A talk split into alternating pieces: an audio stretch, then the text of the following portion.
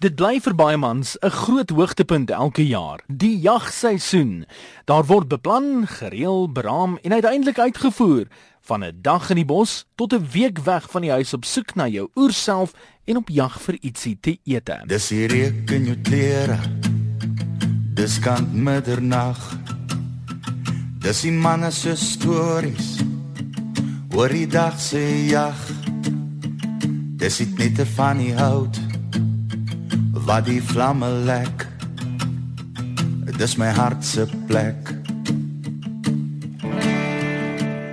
As jy 'n draai in Rodeplaat gaan maak, dan sal jy by die Suid-Afrikaanse Jagters en Wildbewaring Organisasie uitkom en daar gaan jy vir Johan van der Giesen kry. Hy's die bestuurder van Jagsake. Johan, baie welkom by middag op RSG. Kom ons begin eers by die jagseisoen. Wanneer begin en eindig die jagseisoen eintlik? Ja, teen dit is dis iets wat nogal redelik varieer tussen die provinsies in Suid-Afrika. Ons is maar gewoond daaraan dat dit uh, met die begin van die wintermaande is dit is dit dan so en en ons stap nou aan na dit.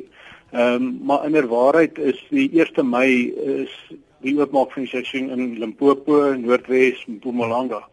Ehm um, die Vrystaat maak al reeds op die 1 April oop. En uh, as mens gaan na die Kaap provinsies toe, as jy kyk na die Oos-Kaap, is dit in van van die van die spesies maak in uh, Junie oop. Noord-Kaap is ook in Mei en dan die Wes-Kaap is van die spesies in Junie en van die spesies in Julie. So dis baie belangrik as mens gaan jag op uh, oop plase wat wat dan afhanklik is van die die proklamasie om die oopjagseisoen te verklaar dat mens gaan seker maak presies waar jy jag en wat is oop. Johan, wat is die ander opsie in terme van geregistreerde wildplase? Ek dink dit is eintlik 'n groot voordeel van Suid-Afrika. Ons het 'n uh, uh, wetgewing wat voorsiening maak vir vir grondeienaars om aansoek te doen om vrystelling te kry vir sy plaas of en dan in, in sommige provinsies 'n sertifikaat van voldoende omheining kry. En op, op daai provinsies word uh, daar verskillende vrystellings aan die aan die aan die boer en die plaas dan verleen. Party van hulle word hulle totaal aan af kwytgeskeld van die jagseisoen. So die boer kan dan self besluit hoe hy dit bestuur wanneer hy gaan laat jag en in van die provinsies gaan dit so ver om ook kwytgeskeld te word van jou jagpermitte en jou jaglisensies ook vir die spesies wat dan gelys is op sy sertifikaat. Hoe werk die jaglisensies, Johan?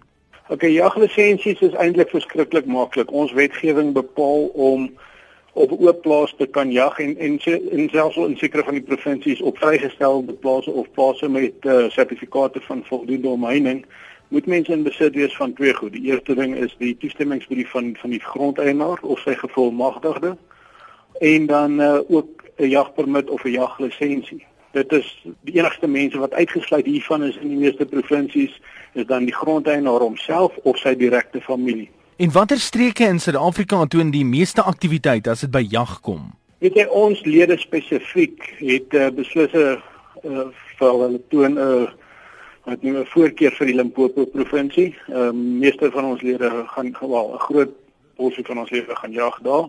Ehm um, met die Noordwes wat tweede is en dan in die Vrystaat en die Noord-Kaap wat wat omtrent so gelyk gelyk trek op die op die derde posisie. En dan kyk jy ons verder met die lys af na Mpumalanga, die Oos-Kaap, Gauteng, KwaZulu-Natal en die Wes-Kaap. En net vanuit 'n persoonlike oogpunt as 'n laaste vraag Johan, wat maak jag vir jou spesifiek lekker? Weet jy, jag is maar 'n manier hoe mens jouself kan uitleef in die buitelewe. Ehm um, dit is 'n totale ondervinding daarvan wat jy as mens weer terugkom in die natuur en as jy huis toe gaan, vat jy 'n stukkie van die natuur terug saam met jou. Dit aan Johan van der Giesen, die bestuurder van jagsake by die SA Jagters en Wildbewaringsorganisasie. Hoop jy jag lekker hierdie jaar. 'n Baie maak net kwaad en glad nie bang nie as jy